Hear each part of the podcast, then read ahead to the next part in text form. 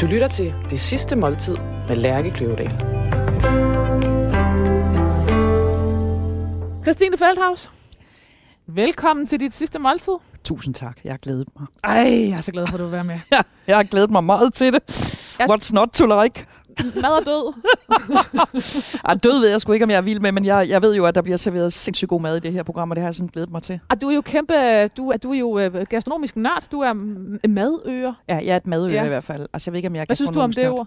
nørd. Et madøre? Jamen, Ja. det synes jeg er godt. Det er kærligt og varmt og øh, perf- tilpasse uperfekt, så jeg godt kan lide det. Altså, et madøre for mig, det er en, der har livsglæde og livsnyderi, og det tror jeg sgu nok alle er enige om, at jeg har i rigt mål. Du har sågar en podcast, der hedder Livsnyder. Det har jeg sågar, ja. Christine Feldhaus, TV, mange, mange år i øh, tv-vært. Ja. Øhm, primært kendt fra Kender du typen og So Fucking Special.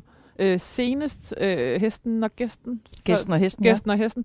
Uh, Jonas, altså- hvor du dog... Øh, Det gør du ud det her. Jeg er helt på munden, og jeg glæder over det her. Ja. Nøj, hvor er jeg lykkelig. Ej, Ja, det, Hvor det er jo lidt godt ud. spændende, for du ved ikke helt præcis, hvad det er. Jamen, jeg kan jo kende en ceviche, når jeg ser den. Det er rigtigt. det er jo sådan, at øh, da du skrev til os, så kom der lidt en stribe af favoritter. Ja. Øh, og, og der var lagt lidt op til lidt fri leg. At Ja. øh, der, der var noget overraskelse, som, som fungerede godt, ja. når det skulle være et sidste måltid. Ja. Og øh, det kan jeg jo meget godt lide, for så kan jeg bestemme. Ja.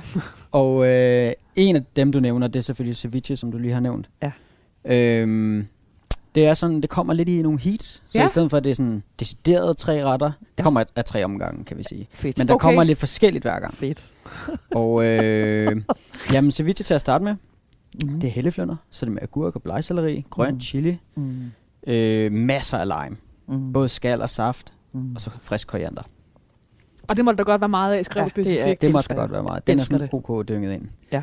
Ja. Øhm, og så er der lidt, det er sådan lidt, den har I en hver, og så er der lidt til at dele, sådan lidt haps og ting, Yes. bare med fingrene. Ja. Den første, og det er faktisk den, jeg vil anbefale at starte med, fordi den er sådan mest frisk og sprød, det er en muslingetoast. Så det er en af mine egne favoritter. Ja. Så det er syltede muslinger escabeche. Det betyder, at den er sådan syltet i dens egen juice, med masser af krydderier og grøntsager. Det er Det sådan skal bedst, det er sådan en rigtig Jonas-ret. Ja, det er nemlig, og det er sådan en klassisk ting, ligesom ceviche er en tilberedningsmetode, så er escabeche det samme. Og så er det med aioli og en, en salsa verde på sådan et stykke ristet brød. Oh, grillet brød er det What's faktisk. not to like? Ja. Og så var der en anden ting, som du også nævnte, og det var blæksprutte. Ja. Så der har jeg også lavet en. Og øh, det er sådan grillet øh, narenbrød Ja. med sådan en kartoffelcreme, og så grillet blæksprutte med i, i sådan blæk Åh, marinade. Lækkert. Det, det er bare sådan sort og med hvidt på brød. ikke? Ej, det ser sort smukt brød. ud. Det her det er jo den helt rigtige måde at spise på. Det tænker jeg. Mange små smage, Ja, ja, i stedet små. for én stor ting. Så kan man sidde her og komme i himlen i flere omgange. Lige præcis. Og tage det stille og roligt. Og så har du Så skal jeg have noget at drikke, og øh, der var du lidt mere specifik. Ja, det var jeg. Hvis du skulle have indflydelse på, på drikkevarer, så vil øh, Maso ikke gøre noget, og øh, så kommer der noget bagefter, som heller ikke vil gøre noget. Det skal nok lade være med at afsløre. Men øh, det har jeg da fundet. Hvor er det dejligt. Så øh, Maso fra Philip øh, Bossero. Ja. Klassisk, øh, klassisk Maso. Chardonnay fra Du er jo. Bourgogne. Hvad siger du? Du er vinnørd. Ja, jeg, jeg, jeg, jeg ved ikke, om jeg er nørd. Altså, jeg kan ikke øh, slå sådan en som Niels Lillelund i paratviden overhovedet, men jeg har... Det synes jeg også er sæt barn ret højt. Ja, det er en meget høj bar, men jeg, jeg, mine venner synes, jeg er relativt elitær på, ja. den, på den søde måde. Jeg, jeg drikker ikke generelt ikke noget, uden at sætte mig ind i, hvad det er, og Nej. jeg kan godt lide, at vi skal tale om, at det dufter og smager inden vi skyller det ned. Jo, Går du til vinsmagninger, eller er du Ja, det gør jeg øh, indimellem. den? Altså, Ja. jeg, altså jeg, min bedste rejser, det har også været sådan noget med bare at gå ind. Jeg har faktisk været på Chateau de Marceau øh, for Mm. mange år tilbage, hvor jeg endte nede i kælderen og kom op i en ordentlig knaser, Ja. fordi der ikke var nogen voksne til stede. Så jeg blev skidefuld, for jeg kunne ikke lære at spytte ud. Det smagte simpelthen for godt. Det, Men jeg øh, vælger også rejsemål efter det. Altså, Okay. jeg, jeg tager konsekvent helst ud og rejse nogle steder, hvor jeg ved, jeg ikke har fundet ordentlig vin. Ja, spændende. Jeg vil sige, at det der med den her er, jeg synes ikke, at den er sådan så, øh, så bourgognefed, som man måske kunne forvente. Øh, I og med, det er ceviche, øh, Ja. som, som der er lidt spice og sådan noget, så vil man normalt gå lidt mere sådan rislingvej, Ja. øh, sådan noget lidt sødere, ja. eller noget lidt mere crisp til de, i hvert fald de andre ting, mus, ja. øh, muslinger og, og det der, ikke? Ja. Øhm, så. Jeg er sikker på, at det kommer til at gå godt. Tusind tak, Ja, jeg smider på og det, her, og det dufter Tak. pragtfuldt. Skal vi ikke... Nej, skal vi hilse på bestyrelsen? Skal vi, ja. Tak fordi du ville uh, se mig, det er jeg meget glad for. Tusind tak, fordi at du vil være med. Ja, jeg synes, det er dejligt, det må jeg bare sige. Jamen, det er, så din fav- favorit. Jeg synes, det er dejligt. Du, øh, og fordi du valgte, du valgte jo selvfølgelig af gode grunde ikke vin til øh, maden, fordi du ikke helt vidste, hvad du skulle have. Så Så, men det du vidste, var, at du ville have mig så. Ja, tak. Ja. Okay. Skal vi lige kaste os Ja, over den her øh, ceviche her? præcis, øh, Fordi øh, du ved, som jeg siger til dig, øh, jeg ved ikke, om vi må sige det, men nu siger det bare. Klokken den er to, og jeg har ikke spist noget i dag, fordi jeg har glædet mig så meget. Så jeg kommer simpelthen øh, decideret hjemmefra, har lige børstet tænder, og det gik sgu egentlig også godt med den masseur. Ja, nu skal altså vi have! Med, præcis. øhm, og, øhm, Mm. og det eneste, der kan gå galt, det er, hvis den ikke har syre nok. Det skal være meget syrligt, og Mm. øhm, grunden til, at jeg har sådan en meget, meget stor forkærlighed for det, det er, jeg har rejst i Nicaragua, og det, det, jeg levede simpelthen af ceviche uge i træk i en by, der hedder Granada, hvor jeg fandt en meksikansk restaurant, der kunne lave den, en ceviche. Jeg gad ikke engang udfordre mig selv. Jeg gik simpelthen derned hver dag til frokost og bestilte et isoverkølet glas lækker vin.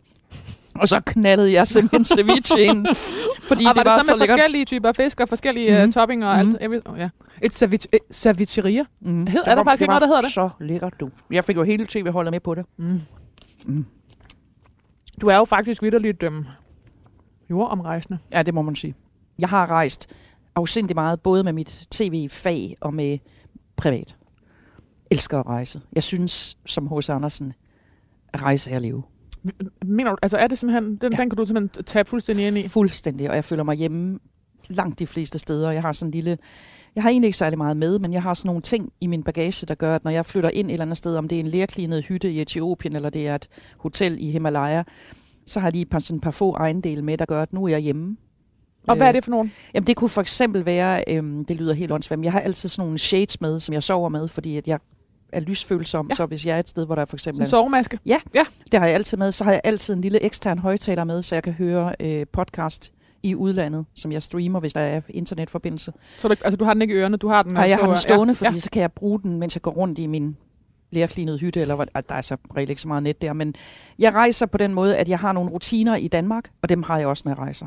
Så mine dage starter ens, uanset hvor jeg er henne, med de samme ting. Af med sovemasken, ud på badeværelset, på med podcasten, ordne det, der skal ordnes derude, øh, ind og lave kaffe. Jeg har også altid selv kaffe og kokedel med, fordi jeg, jeg er meget afhængig af at få en kop kaffe, inden jeg skal møde andre mennesker. Så det har jeg også altid med. Så jeg har sådan nogle ting, som gør, at jeg føler, at jeg efterligner den morgen, jeg har hjemme i Danmark. Så føler jeg, at jeg får skudt det godt i gang. Har du også, er du også en, der har brug for at have det samme hold med omkring dig? Altså, hvis jeg, hvis jeg kan vælge mine yndlingsmennesker, så vil jeg til hver en tid gøre det, fordi vi kommer tæt på hinanden på de rejser, især når vi rejser selvfølgelig øh, ud og laver de der lidt tunge ulandsdokumentarer. Altså, der er altid lidt med maven, for ikke at sige meget. Der er altid en, der får Zika-virus, eller bliver stukket af et eller andet, som klør helt vildt. Der er øh, jetlag, der er øhm, anderledes madrutiner, der er nogle gange ikke toiletter, og hvis der er toiletter, så er der ikke vand i dem. Der er det altså ret vigtigt, at man er Der er så... pludselig angstanfald. Ja, det kunne det også godt være, men vi er meget tætte på hinanden, okay. og vi taler altså, sammen, som om vi var en familie. Altså, vi starter jo faktisk med at tale om, jeg ved godt, det er mærkeligt, når vi sidder og spiser, men det er først, vi spørger hinanden om, du kan gætte det. Det starter med A. Det er det første, vi taler om, når vi mødes om morgenen, der. Hvordan er det gået med det? Præcis, så god gang afføring, så er man samtalen i gang. Det er simpelthen vigtigt, ja. fordi der, så, er vi ligesom, så er vi alle sammen på klar over, at der er nogen, der er lidt opstirperet her, eller har vi det godt. Så vi ved jo meget om hinanden, meget om hinandens Altså, der er jo familier, også simpelthen, og, du ved, altså, øh, øh, gamle tekster, der jo, øh, altså til hver en tid har man jo gået meget op i afføring. Nu er det ikke bare roligt, jeg skal nok lade være med de sidste måltider handle kun om afføring. mm. Men, men hvis det fungerer, så fungerer resten. Det er Præcis. gammel lov. Det er meget vigtigt.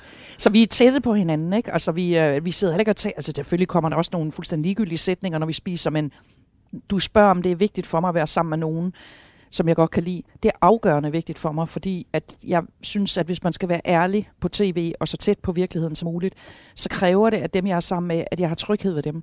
Det kræver, at når jeg for eksempel, som jeg har haft nogle gange, haft virkelig, jeg siger det lige ud i tyndskid, at de har respekt for, at når jeg løber rundt om en compound, for lige hvad jeg siger, altså ind bag ved et blikskur, så må de godt følge med mig rundt om hjørnet, men de skal ikke filme, når jeg har trukket bukserne ned. Og det, det, det bliver man sgu nødt til at vide, ikke? Fordi mange ser mig som sådan en, der er grænseløs, og man må alt med mig. Der er grænser. Det er det, jeg vil gerne have for mig selv. Det er det, jeg kalder et private moment.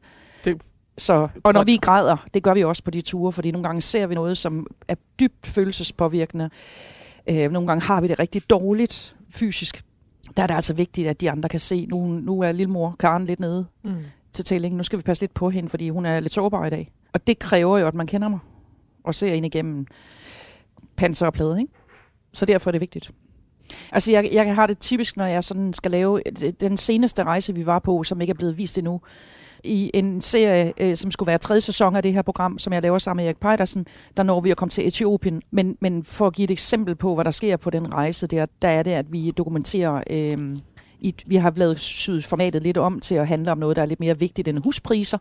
Så øh, vi taler den her gang om øh, for eksempel øh, omskæring af kvinder. Mm-hmm.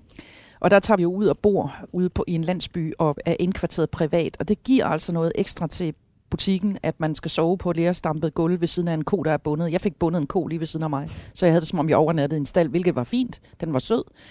Øh, pointen er, at det er meget hårdt dels at have dårlig mave, samtidig med, at du skal sidde og, og øh, leve dig ind i fire kvinder, som har fået skåret hele forlystelsesparken ud, hvis man må sige det sådan. Det blev jeg sgu enormt bevæget af. Og der er det vigtigt, at, at min fotograf forstår, du må godt køre med på mig til en vis punkt. Men når jeg begynder at virkelig at kan mærke, at nu løber tårne ud af øjnene på mig, så skal du stoppe, fordi lige pludselig kommer det til at handle om, at jeg bliver ked af det. Og det er ikke mig, det handler om. Det handler om, at vi dokumenterer øh, kvinder, der får skåret øh, det hele af. Det skal ikke handle om mig. Og der har vi sådan der lærer man også med, sin, med sit hold, at øh, hvornår stopper vi det her? Fordi selvfølgelig er det godt tv at se øh, grinende livsnyder Feldhaus have det stramt. Men det er ikke det, vi er der for. Det er ikke, fordi jeg har noget mod at græde på tv, men det skal bare ikke komme til at handle om mig. Har du været træt af den der livsstilsrolle, som har, Ja, været, ja, øh, altså som for- har været din i et, øh, et, øh, ja, en generation? Ja, nærmest? altså det, jeg synes, det er lidt misvisende. Altså for det første, så har jeg jo ikke selv opfundet øh, begrebet livsstilsekspert. Altså hvem er ekspert i noget som helst? Jeg er i hvert fald ikke livsstilsekspert, hvis man skulle sige det. Øh, så er der en anden ting, der er svært ved ordet, og det er ikke, fordi jeg ser ned på det, det er bare, fordi det dækker over rigtig mange ting. Det kan være en, der er øh, super dygtig til sofa-indretninger, sofapuder og bloklys. Det ved jeg intet om. Jeg ved ikke noget om indretning. Men de hedder også livsstilseksperter. Så det, jeg synes, der er med ordet, det er, det er enormt forvirrende. Øh, og så synes jeg, at øh, jeg har været meget optaget af at prøve at lære Danmarks Radio at kalde mig livsstilskommentator i stedet for, fordi jeg kan godt have en kommentar til noget, uden at være ekspert. Øh, og det, det er, jeg har bare opgivet det, for jeg kan ikke, det kan man ikke lære folk. Nu har jeg været i det der game i 20 år. Jeg, det kan man simpelthen ikke lære dem. Det kan jeg i hvert fald afsløre for dig lige om lidt. Det kan du ikke. Det er derfor, jeg, jeg, jeg, jeg, jeg, når du spørger, er du træt af ordet? Ja, for jeg synes ikke, det er dækkende Nej. for, for det, jeg kan. Men kan du gøre noget ved det? Nej. Så hvad gør du ved det? Ikke noget. Jeg lever med det. Prøv at høre, nu, øh, nu kaster vi os øh, ud i det. Fedt. Øh, den første, og det, det er et citat fra, noget, fra en, en overskrift, der er skrevet om dig før. Mm. Danmarks sjoveste livsstilsekspert er død. Jamen, den synes jeg, der er meget fin. Den er jeg da glad for. Det er godt. Altså, jeg bortset fra eksperten, så synes jeg, den er godkendt. Så Danmarks sjoveste livsstilskommentator, Ja, det ville jeg synes var bedre. Ja. og det er, det er ekspertordet, du træt af. Ja. Så er der en, der hedder... at Den må du altså lige hjælpe mig med, fordi ja. Ja. det var en, som... Og det, og det er ikke, fordi jeg skal holde, holde dig op på, øh, på alt, hvad du øh, har sagt for... Hvor gammel er du nu? Jeg, er, jeg er 58 lige nu. Så det, jeg skal ikke holde dig op på noget, du har sagt for otte år siden hele, hele vejen igennem. Men det her, det var i forbindelse med dit 50-års fødselsdagsinterview til Jyllandsposten, Mm. hvor, hvor der står, Christine Feldhaus var humlebien, der ikke var klar over, at den kunne flyve. Mm. Hvad handler det om? Det synes jeg heller ikke er ure. Det er meget rigtigt også. Det, der er med det, det er, at jeg er jo uddannet lægesekretær. Og det er den eneste uddannelse, jeg har papir på. Øhm, så jeg kommer jo fra Jylland øh, med en frisk øh, lægesekretæreksamen i baglommen. Søger ind i reklamebranchen i København, og øh, har jo egentlig ikke nogen forudsætninger for det. For egentlig sådan øh, fået det job ved at tro mig til det. Det, der er pointen, det er, jeg er født i København, har været meget i København, har været feriebarn hos min familie i København i alle årene. Føler mig meget mere knyttet til København, end jeg egentlig måske har gjort til Sønderborg, hvor mm. jeg er vokset op. Og tænker, da jeg er færdig med lægesekretæreksamen, øh, at øh, jeg må tilbage til København. Jeg rejste til København uopfordret med toget. Jeg kan huske, togbilletten kostede 198 kroner. Og jeg har siddet og klippet annoncer ud i et år og lagt dem i plastiksatex for at finde ud af, hvad for et kommunikationsbyrå slash reklamebureau, jeg synes var de dygtigste. Og det foregik simpelthen på den måde, hver gang jeg så en annonce, hvor jeg tænkte, her er en kreativ idé, så lagde jeg den ned i Chatek.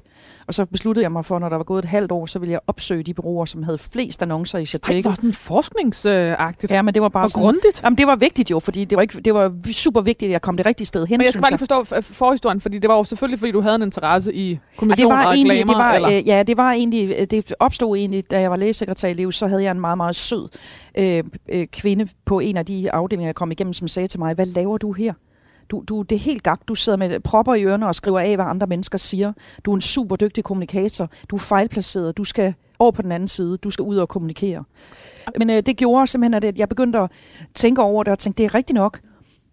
Der er simpelthen for meget sprul, spruller og spraller og ord i mig til at sidde og være en, der skriver af, hvad andre siger. Og havde du været sådan en, der du ved, var god til at skrive stil? Eller? Ja, ja. ja, jeg har altid været ekstremt sproglig ja. og altid udtrykt mig på sådan lidt vild måde. Folk synes også, det, det, jeg tror, det er derfor, der er nogen, der siger sjov. Det er fordi, jeg har nogle underlige sprogblomster. Altså, jeg kan godt lide at tale i billeder, fordi det, det er en hurtig vej til forståelse. Nå, jeg tager til København og banker døren ind på et bureau, der hedder Bates, og øh, går ned og sætter mig i receptionen og siger, at jeg gerne vil tale med en administrerende direktør. Der sidder jeg med min lille uopfordrede ansøgning og bliver grint lige op i hovedet af den derværende receptionist, der siger, har du nogen aftale? Så siger jeg, ikke nu, men det får jeg, det lover jeg dig. Og så siger hun simpelthen, du kan sidde der hele dagen, du kommer ikke til at tale med ham. Så Det er jo en hun, film. Det der, det er jo en filmscene. så siger man, jeg bliver bare siddende så, fordi jeg har tid nok. Jeg skal først til det næste møde i eftermiddag kl. 3, og det er ude på Lintas, så jeg sidder bare her. Og så havde jeg fundet ud af, at, at kantinen den lå længere inde, så jeg tænkte, han måtte skulle spise frokost på et tidspunkt. Jeg havde også øh, fundet ud af, hvordan han så ud. Men jeg kom ikke i betragtning til det der. Og det øh, blev jeg faktisk skide sur over, for jeg synes, det var arrogant, at man ikke gad blive bare lige at tale to minutter med mig, men det gad man jo selvfølgelig ikke. Så kørte jeg ud til det næste bureau og lavede lidt det samme stunt. Så gik der fjord, rejste hjem til Sønderborg igen, øh, blev selvfølgelig hårdere fest i weekenden, rejser tilbage til Sønderborg, og så kommer der lige pludselig i Berlingske Tiden en stillingsannonce, hvor der står kontaktassistent søges til Bates. Så tænker jeg sådan, nu kommer jeg tilbage. Så sendte jeg en ansøgning, som indledte med de her ord. Jeg har været her før. Jeg kommer igen nu. Men I skal forstå, at det er sidste gang, I får chancen for at møde mig. Og det, jeg tror, de tænkte, hun er fandme bipolar, eller et, der er et eller andet galt med hende. De blev rædselslagende. Så det, de tænkte, vi må se hende der, hun er jo en galning. Så jeg blev simpelthen kaldt til samtale. Der var 250 ansøgere til den der stilling, og jeg blev kaldt til samtale, og jeg fik det. Så jeg klarede den. Øh, men der startede humlebien, der ikke vidste, den kunne flyve. Men, og, men så har det jo om, altså det har været en humlebi med, med virkelig meget selvtillid. Øh, ja, det tror jeg rigtig nok. Altså, jeg har haft en far, som jo altid har sagt til mig, "Øh, Christine, uh, the sky is the limit. Det har han ikke sagt, for han taler ikke engelsk. Men han har altid talt om, at prøv at se det op, der hænger munden. Hvis du tager en stige, der er lang nok, så du komme ned, og så kan du sagtens få den pillet ned. Så han har givet mig en oplevelse af, at jeg ikke skulle finde mig i, at mænd var bedre end mig, eller at jeg ikke var god nok, eller at jeg ikke kunne nok, eller at jeg var øh, dårligt kørende. Han har altid sagt, du er jo genial, mand. Og det har, det har jeg selvfølgelig brugt til at flyve med. Det virker jo. Det er skidt. Mm. Mm. Ægte ros på, rigtig, på det rigtige tidspunkt. Det er jo ikke for sjov. Ja, så især måske fra min far. Ja. Fordi min far var leder i kriminalpolitiet. Ham havde jeg meget respekt for. Jeg synes, han var dygtig og også meget sød og empatisk, men han lever gudskelov endnu. 88. Sådan. Men det er jo virkelig meget, hvad man får hjem med, lige præcis med hjemmefra der. Det tror jeg er vigtigt. Og den første mand, du møder i dit liv, det er din far. Og hvis den første mand, du møder i dit liv, giver dig en fornemmelse af, som helt lille pige, at du er genial, at du er elsket, og du, øh, han glæder sig til at se dig, så går du øh, ud i verden med det i bagagen, at det første maskuline væsen, du har mødt, har du tillid til. Og det har hængt ved mig lige siden.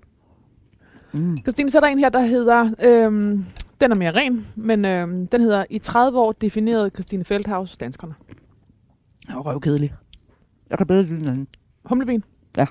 Og Danmarks sjoveste livsstilskommentator. Ja, den er, den er, Er også død. bedre for. Jeg synes, den sidste den er dødkedelig. Det lyder som sådan en statistiker.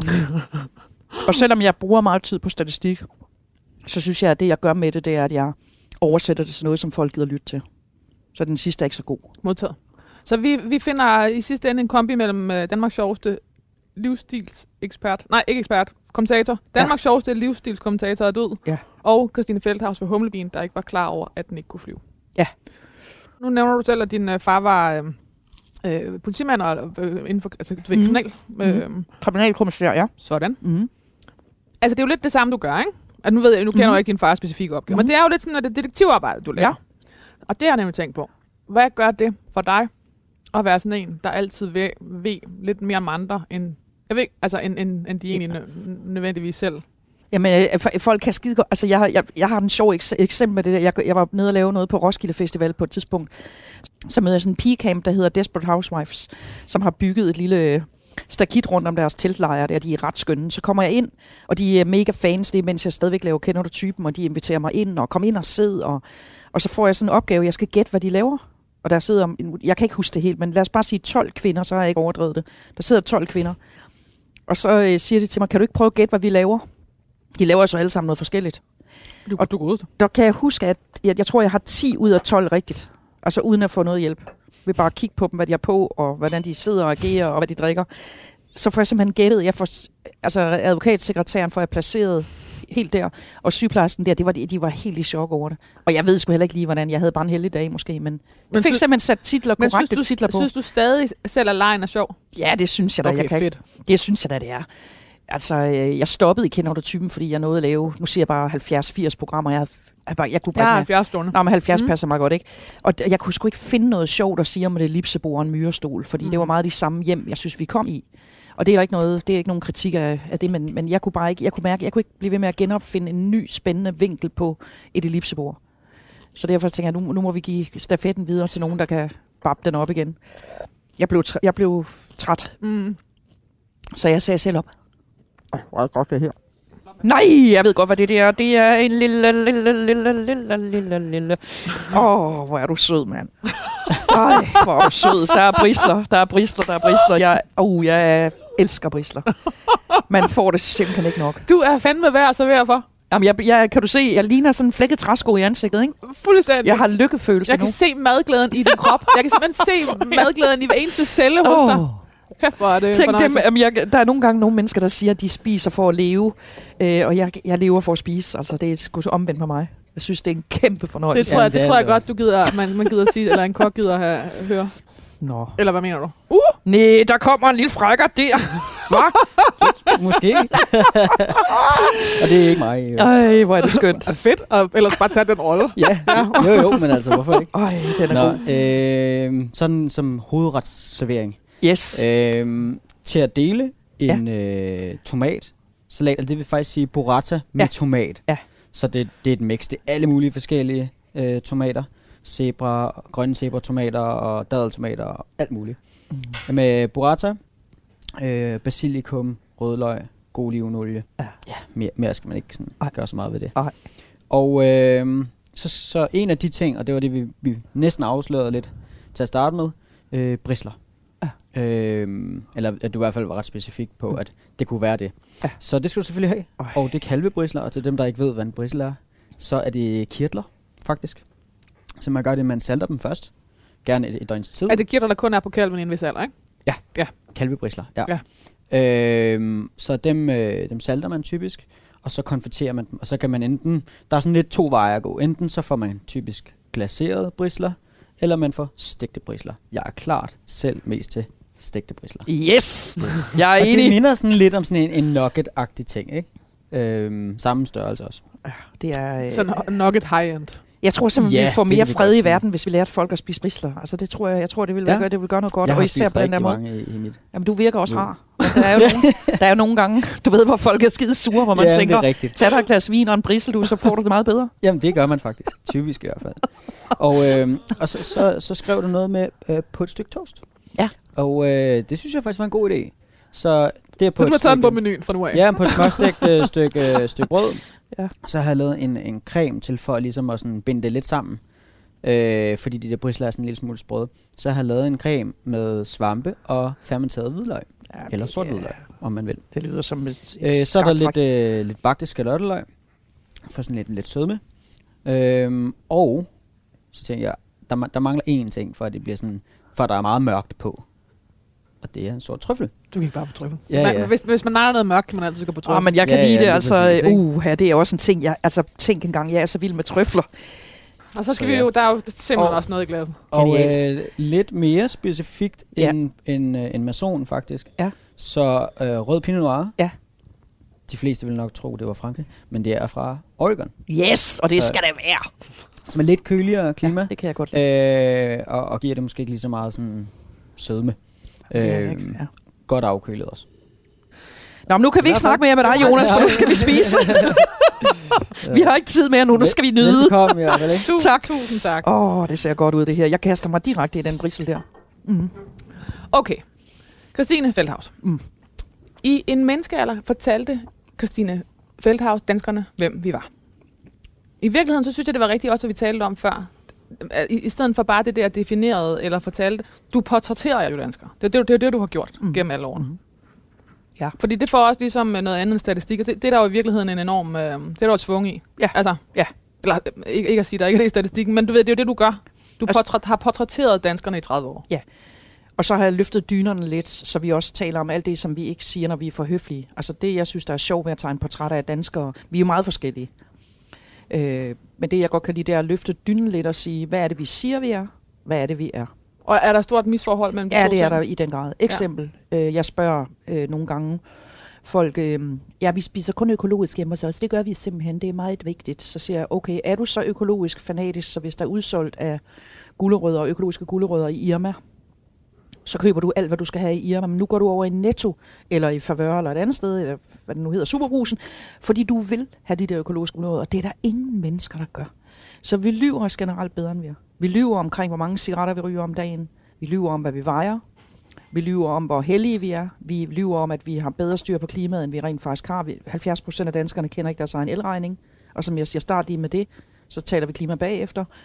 Altså du ved, vi, vi, vi er, det er ikke fordi, vi er ondskabsfulde eller selvovervurderende, men vi har et mærkeligt mismatch mellem det, vi siger, vi er, når vi bliver spurgt ude på forscenen, og det, der foregår på backstage.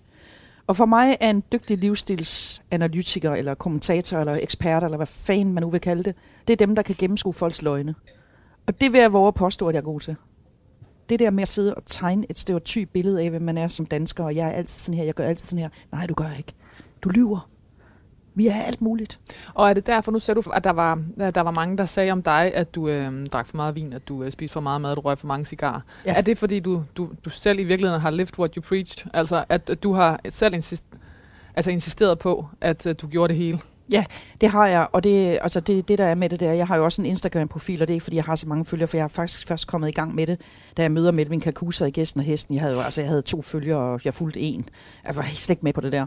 Og så kom Melvin bare og sagde til mig, hvad er der sket med dig, mom? Så du har slet ikke gang i noget, du er jo helt off, mand. Så siger jeg, men jeg ved det godt, men jeg gider ikke, jeg ved fandme ikke, hvad jeg skal lave der. Så siger jeg, "Nå, men nu starter vi bare lidt. Og så tog det jo fart, så fik jeg jo så lige pludselig et eller andet 24.000 følgere. Og nu har jeg så været nødt til at tænke over, hvad fanden lægger jeg op der?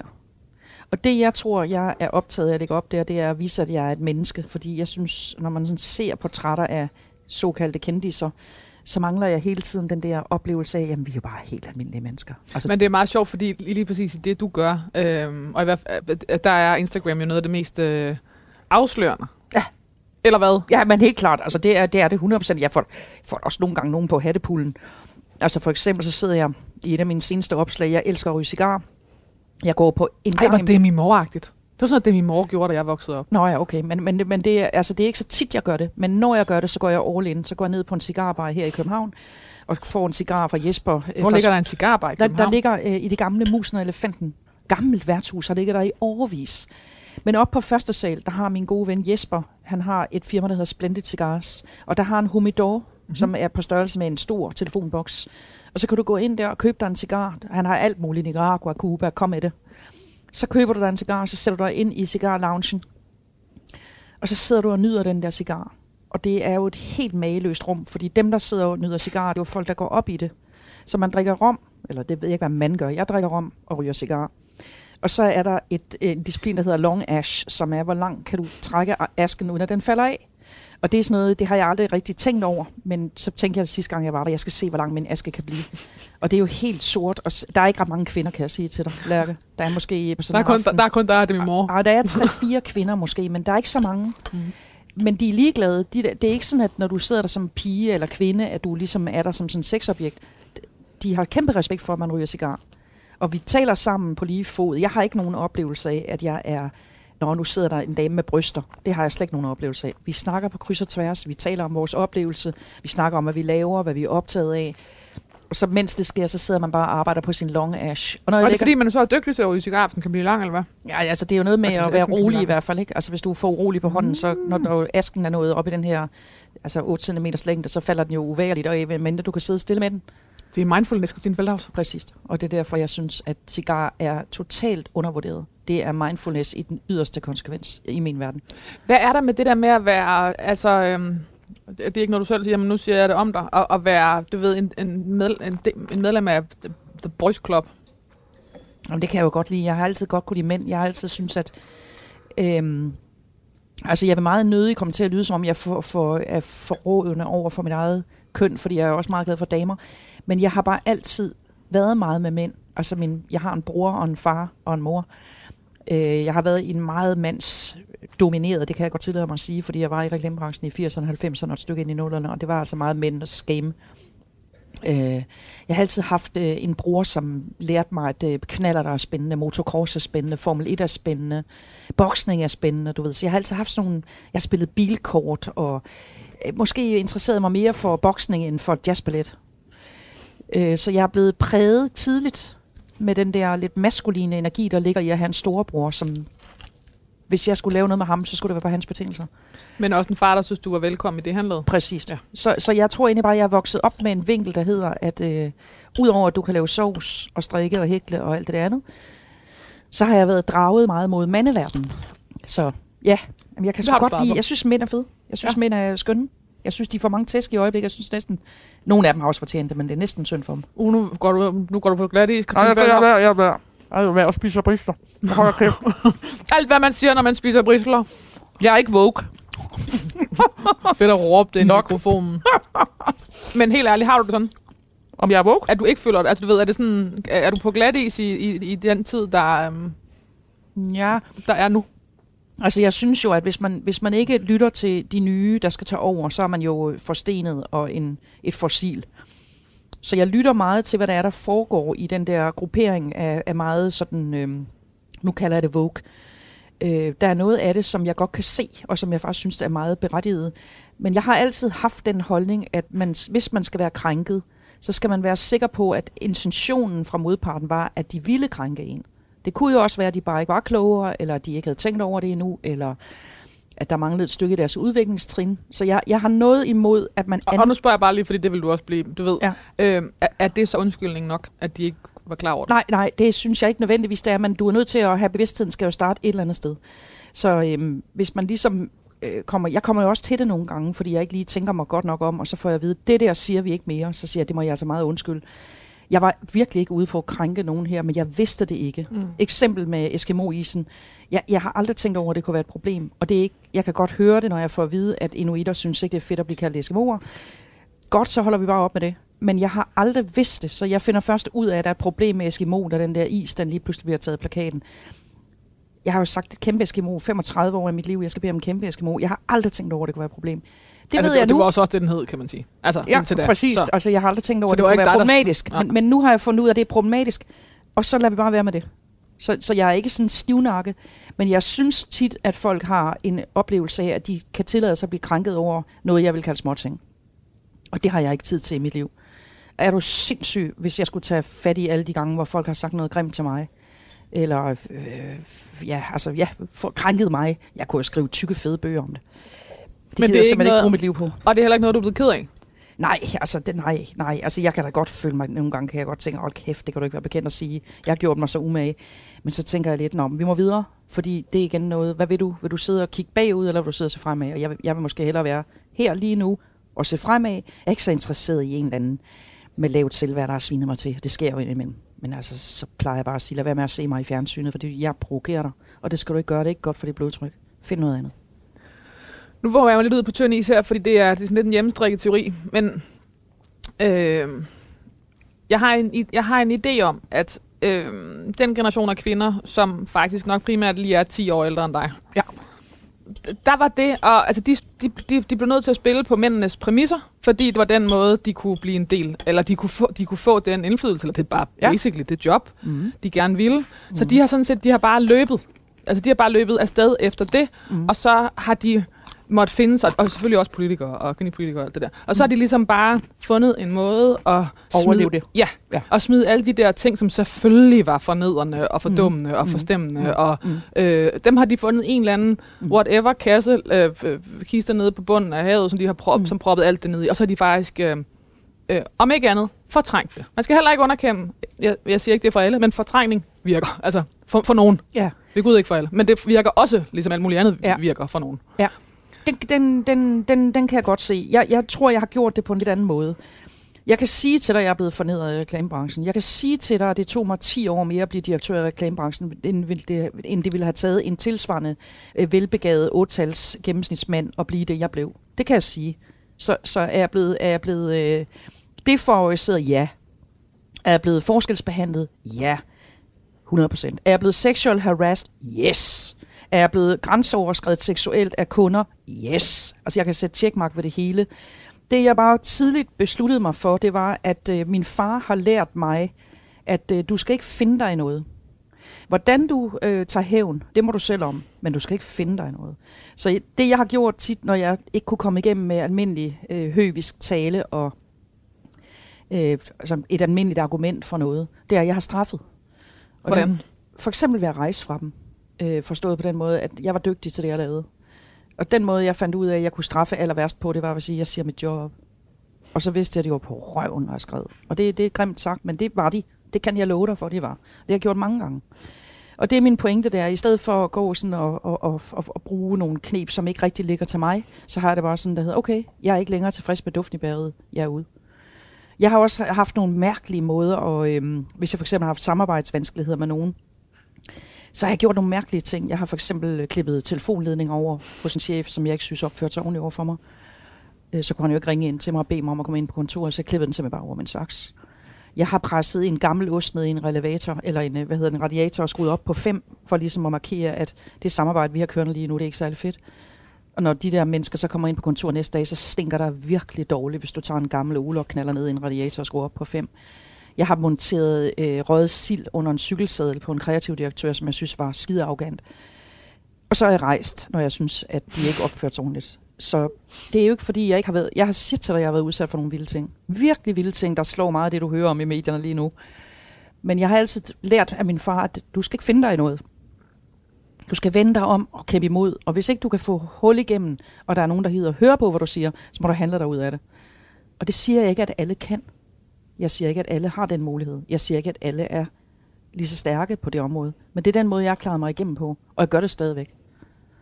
Og hvordan, og hvor, altså fordi det er jo, det er jo meget konkret, det er jo sådan et uh, hoved, hoved, tand for tand-agtigt, og Ja. så, kan det, så har det måske været mere udspekuleret, end de havde overhovedet haft fantasi. Vidste de godt, det var dig, der gjorde de ting? Det fandt de jo ud af på et tidspunkt, men Okay. ikke i starten. Nej, men, øh, men og det kan jeg forstå, det er der var en forløsning i, haha, der stank inde på det kontor. Og så, og du ved, det er jo også en dejlig historie at fortælle. Altså, det- altså om ikke andet, Fed altså, det, er jo, det er jo sjovt. Men den virkede også, fordi folk bliver lidt rystet, når man, når man virkelig gør. Altså sådan noget som at klippe en telefonledning over og komme ind, og en chef så siger, hvad, øhm, jeg kan ikke tale i telefonen. Nej, så det kan jeg da godt se. Jeg kravler lige ned og ser, hvad der sker. Kom op med to ledningssender, og så sige til ham følgende ord. Jeg tror, du har fjender her på bureauet, fordi hvem fanden skulle der så klippe den telefonledning over? Har du haft konflikter med nogen?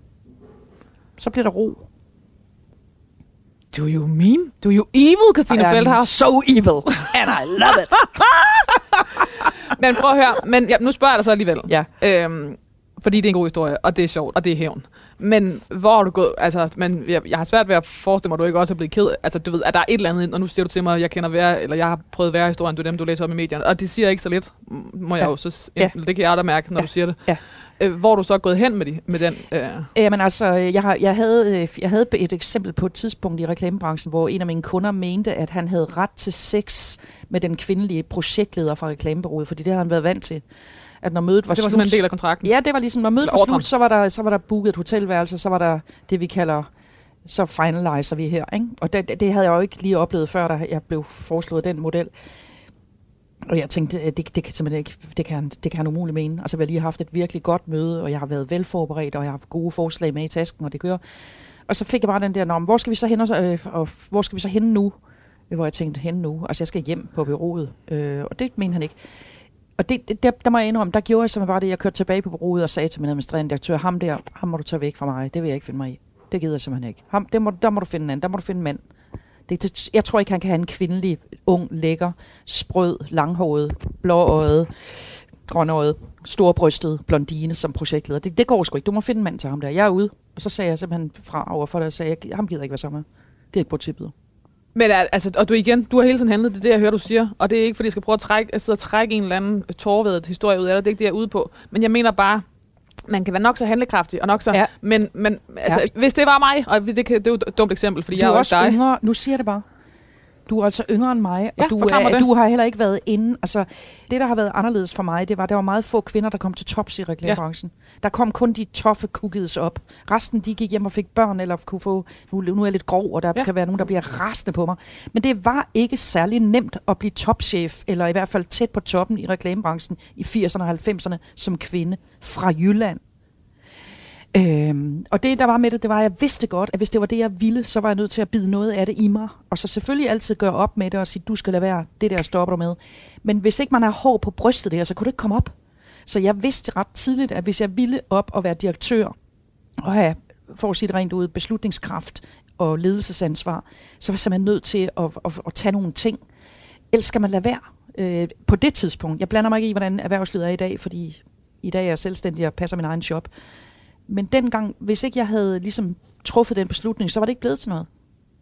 Og der var også kvinder, øh, som ikke lykkedes, og som i virkeligheden var udsat for noget, eller det vi har hørt om i medierne, hvor jeg tænker, det der, det talte vi sgu ikke nok om dengang.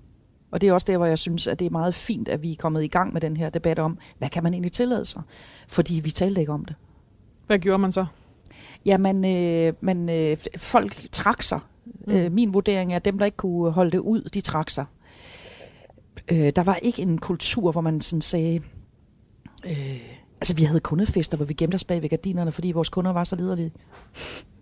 Jeg griner, men det er jo fordi, det, det er så absurd. Det, det er jo ikke sjovt, altså, jeg, det er jeg absurd. kan huske, jeg havde en hel aften, hvor jeg sad bag ved et velurgardin og røg ud af vinduet, fordi vores kunder var simpelthen så liderlige, så jagtede os. Altså ikke alle, men dem, dem de synes var lækre, dem jagtede de. Så vi sad jo nogle gange og lavede aftaler om, nu kommer den og den kunde, nu må vi gemme os bag ved et gardin. Og så holdt vi på skift øh, øje med, hvor er han henne i lokalet nu, så kan vi måske lige komme ud et øjeblik. Det var sådan, det var. Det var sindssygt. Men det var sådan, det var. Altså, der var sgu ikke nogen, der stillede stort spørgsmålstegn. Vi var slet ikke så... Derfor synes jeg også, at ordet Vogue er meget godt. Vi var overhovedet ikke Vogue. Nej, og så indrettet i jer. Altså, Det og, gjorde vi. Altså, Det og, gjorde vi. Og, og, og, og, Det så, og så kan man sige, den energi, altså det kræver også sindssygt meget tid og snille og, og spidse sakse og indkøbte sild og, og indordne jer. Men det var jo så det, var jo så det I, I gjorde. Ja, altså jeg tror simpelthen, at det var så meget mændenes game, hvis du forstår. Altså alt topledelse var mænd. Hvis der sad en enkelt kvinde i direktionen på et af de her bemeldte reklamebureauer, så var hun one of the boys, hvis du forstår. Der var ikke noget sted at gå hen. Altså hvis du endelig synes, at det der var simpelthen vildt, så var det ikke sådan, at der sad en stor moder jord på byrådet og sagde, ved du hvad, det der vil jeg gerne tale med dig om. I, eller hvis I er udsat for et eller andet grænseoverskridende, så gå over til den og den. Altså prøv at høre, kulturen var slet ikke sådan. Det var, tag en tudekiks, tør øjnene, og hvis du vil være one of the pack, så tager dig sammen. Og sådan var det. Og det, det, det, det er vi jo opvokset med. Altså jeg er jo opvokset i den kultur, så jeg har jo slet ikke fattet, at... Øh, altså hvad fanden? Nå jamen, det var sådan, det var. Øhm, men, men tilbage til der, hvor vi er i nutiden. Jeg, jeg synes da, det er mageløst godt, at vi får ligesom lukket det hegn der og sige, bare fordi vi har bryster og langt lyst hår og ser søde ud og virker sexet, så, så er det jo ikke ens betydning med, at du har ret øh, til at komme hen og rave på mig, eller forlange et eller andet. Eller, øh, det, der er sagens kerne, det er, og det taler vi måske for lidt om, det er, jeg har undret mig over, hvorfor der ikke er nogen kvinder i min alder, der går frem og siger, hvad de selv har gjort. Det, det hører altså med til historien. Og det vil jeg ikke så meget længere ned i, men, men, men tiden dengang var, at der var også kvinder med magt, som tog mænd. Det skal man huske. Så det var ikke kun mænd, der tog kvinderne. Kvinder med magt kunne også finde på at forgribe sig en lille smule. Ikke nødvendigvis med happy ending eller full penetration, det er ikke det, jeg siger. Men jeg har set kvinder i magtpositioner Nyd godt af. rave på mænd. Forlange at sidde over og skrives på mænd og slikke dem på brystet og alt muligt andet. Så det var altså ikke kun mænd, det var nok primært dem. Men jeg har også set magtkvinder gøre det modsatte. Og det var jo så nok primært dem mændene, fordi Men- det var dem, der var flest af. Men det er klart, men det ændrer ikke ved, at kvinder har gjort noget, der kunne være lige så groft den modsatte vej. Det taler vi ikke om. Og det mangler jeg en lille smule i farven af det her med, at vi laver overgreb på hinanden. Jeg har set nogle unge, smukke kreatører sidde med kunder og skrives, hvor jeg tænkte, det skulle synd for dig. Nå, på den, på den happy note, Den nåede der, vi ikke til. Der, der, der, Der der altså får Jonas lov til at... Næh. Der kommer hjemme bare knækbrød. Ja, det gør der. Ej, der kommer der garanteret øh, sådan noget. En fuldfed 70% double cream. Ja, Eksploratør. Nej, jeg ved ikke, det ja er. Vi derhen af? det er meget tæt på. Er vi i nærheden af en eksploratør? 70 procent? Det der jo så er med det, det er, at ønsket var eksploratør. Nå, jamen det er fint, men den er svært. Og oh, den har jeg ikke kunne skaffe. Det kan man ikke. Øh, der skal man nok til, til Rungis i Frankrig eller et eller andet stort marked. Og øh, det er faktisk en, som er relativt brugt øh, i det københavnske restaurationsmiljø, som hedder Briand Savarin. Mums, Philip Yep. Abba. Så det det er, det er, at det er en øh, komælk fra Frankrig, fra det samme område, som hedder, eller samme region, som hedder Ile-de-France. Og øh, nu nævnte du 70 procent og dobbelt. Ja.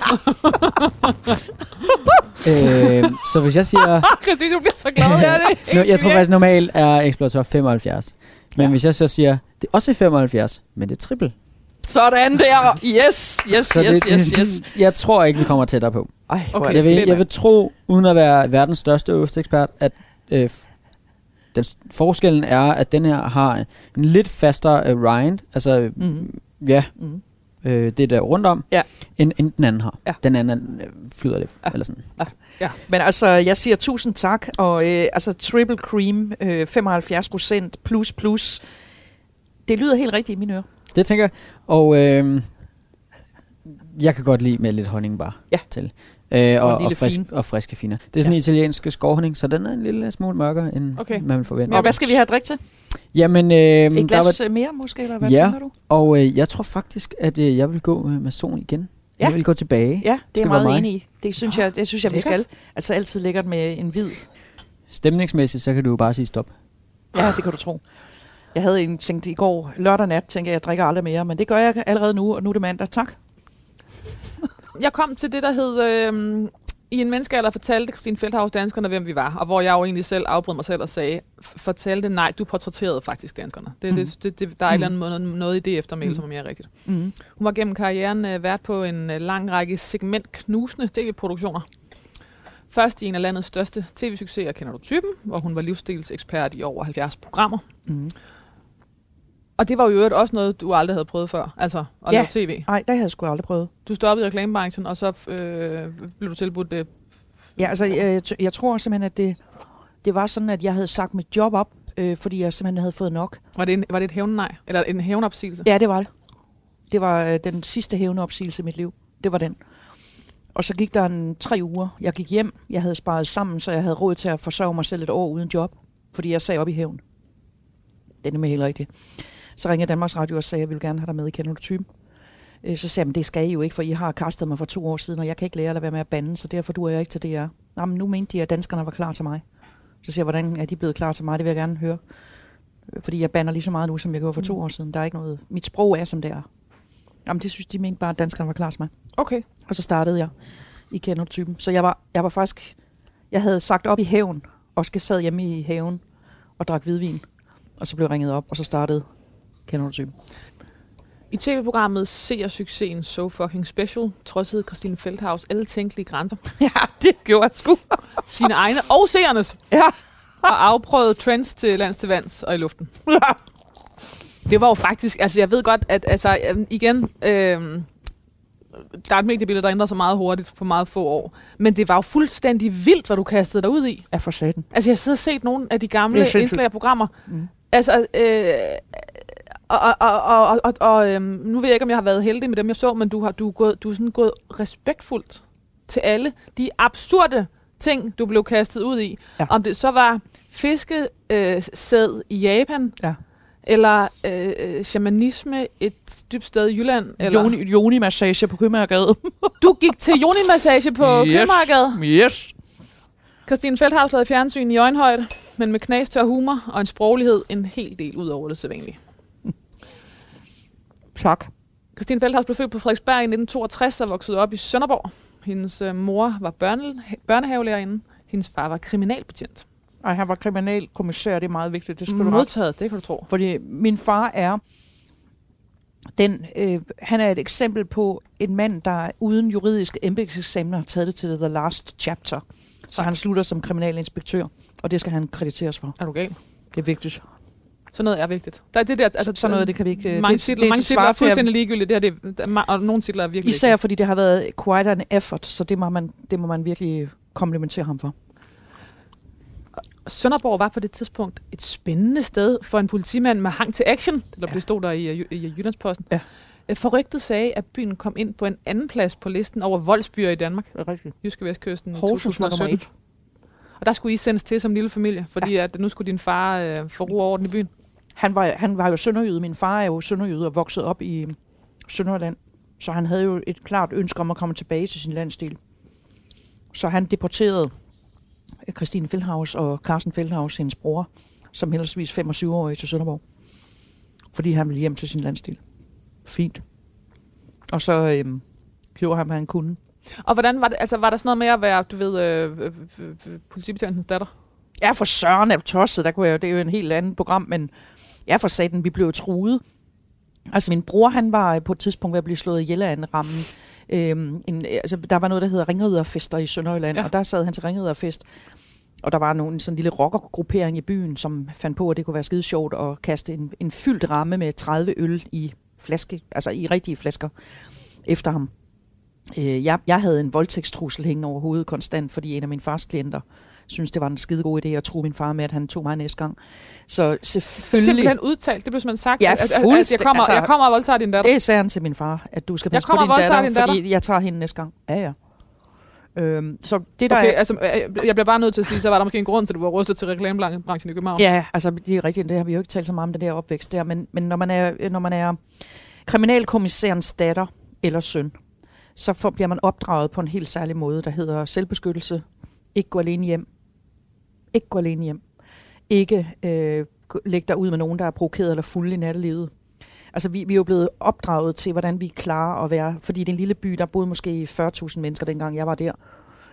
Så min far har skulle øh, undervise os i, hvordan vi skal gribe det an, og øhm, Ja, altså det, det er igen sådan noget, det, det er sådan tumlet ind i mit liv, du ved. Jeg har ikke tænkt så meget over det. Men vi, vi fik værktøjer, og værktøjet var skrid, hvis det bliver for tøft. Og det gjorde det indimellem. Selvfølgelig gjorde det det. Men det forklarer jo også hele din tilgang. Altså, jeg kan jo godt forstå, hvorfor du, hvorfor du forholder dig, som du gør til Ja. MeToo, fordi du har ikke... Altså, øh, Jeg du, har- du har ikke skulle forholde dig til, at du skulle gå tidligere og passe på dig selv, fordi du var kvinde. Du har, skulle, har forholdt dig til, at du skulle gøre, øh, gå tidligere og passe på dig selv, fordi du var kriminalkommissærens datter. Også det, ja. Ja, ja, men, Både men, men, ja, men, Ja. ja. men, men øhm, Helt rigtigt. der, der er lidt forskel på, hvad det er, du skal hænge det op på. Fordi rigtigt. Så, altså, øh, kriminalkommissærens datter er, er, er en anden type vilkår, end det der med, forstår mig ret, bare at være kvinde. Altså, der, der er ikke samme, eller nu sidder jeg Jamen det, men, tænker, men jeg prøv at men- Lærke, det har du faktisk ret i. Jeg har fået det ind med modermælken meget tydeligt, at der blev stillet nogle særlige krav til min bror og jeg. Fordi vi boede i en provinsby, hvor min far var sheriffen, og Ja. han var sheriffen. Der var ikke andre sheriffer end ham. Det var hans navn, der var ud over alle avisernes øh, smørbrødssedler. Og han sagde meget tidligt til os, og hed Feldhaus, og bo i en, i en by, hvor jeg er sheriff, det forpligter. Jeg vil have, at de hører, hvad jeg siger. Jeg vil have, Christine, du går ikke alene hjem om natten. Karsten, du skal blive kørt så let hjem af politiet som overhovedet muligt, når du har lavet en overtrædelse. Og sådan blev vi opdraget. Så, og så var der jo det der med, der var jo nogen, der havde min far, fordi han var sheriff. Og det gik jo selvfølgelig, hvad, hvad kan man ikke gøre? Man kan ikke skade sheriffen. Man kan gå efter sheriffens børn. Og det har vi været vandet til så tidligt, så den der robusthed, der kommer med at få at vide, sådan her er det. Det her er det, der kommer til at ske. Det her forlanger jeg af jer. Det gør, at jeg tror, vi har fået en robusthed meget tidligt, som jeg bare har taget med videre. Christine Feldhaus blev uddannet lægesekretær, men flyttede til København i 1985, hvilket blev begyndelsen på en lang karriere i reklamebranchen, som blandt andet kontaktchef hos, Bates og kontaktdirektør hos Young og Rubicam. Øh, siden 2004 var, hun, var Christine Feldhaus selvstændig med kommunikations- og foredragsvirksomheden øh, Feldhaus.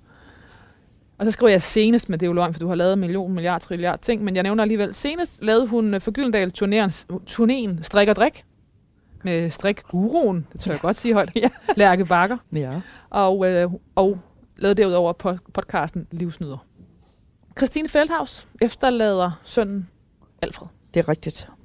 Æret være hendes minde. Tusind tak.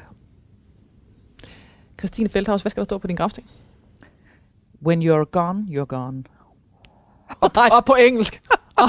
Jamen, det er fordi, jamen, jeg, jeg, jeg har jo hørt øh, mange af dine programmer, fordi jeg elsker at være i selskab med dig og dine gæster. Og så tænker jeg, gud nej, der skal slet ikke stå noget, for jeg, jeg tænker egentlig slet ikke, jeg skal have sådan, altså egentlig vil jeg egentlig, hvis jeg skulle vælge, hvad jeg helst ville, så ville jeg bare smaskes ud over Damhussøen i en urne, du ved, fuld hammer ja. ud med den. En, der Det- kunne noget med langkast. Ja, men det må man jo ikke, og der er meget i vejen. Men altså, det kunne man jo bare gøre en nat, hvor der ikke var nogen, der opdagede det. Og det tror jeg også, det ender med alle jer, der bliver sure over det. Vi høvler mig ud i Damhussøen klokken så sent, så jeg ikke er oppe. Hvis jeg skulle begraves, eller hans sten, så tror jeg, jeg vil, øh, så vil jeg citere en af de bedste reklamekampagner, jeg så i min tid i reklamebranchen i Cannes Reklamefilmfestival, for en bedemandsbiks, der hed Payoffen var When You're Gone, you're gone. Og så var der et tilbud på billige kister og billige bisættelser. Og det synes jeg kan noget. Så den tror jeg, jeg vil have stående. Altså, så, det, det er jo sjovt. Ja, altså, du ved. Det er ligesom co- uh, caskets 99,99. Jeg synes, der er et eller andet enormt morbidt over det på den helt vildt fede klinge. Så var du heller ikke vigtigere ven. Præcis, vi tager det gode tilbud, og Ja. så rykker vi videre. Exactly. Ja. Christine Feldhaus, tusind tak, fordi du vil være min gæst i det sidste måltid. Det er mig, der takker, og tak for mad.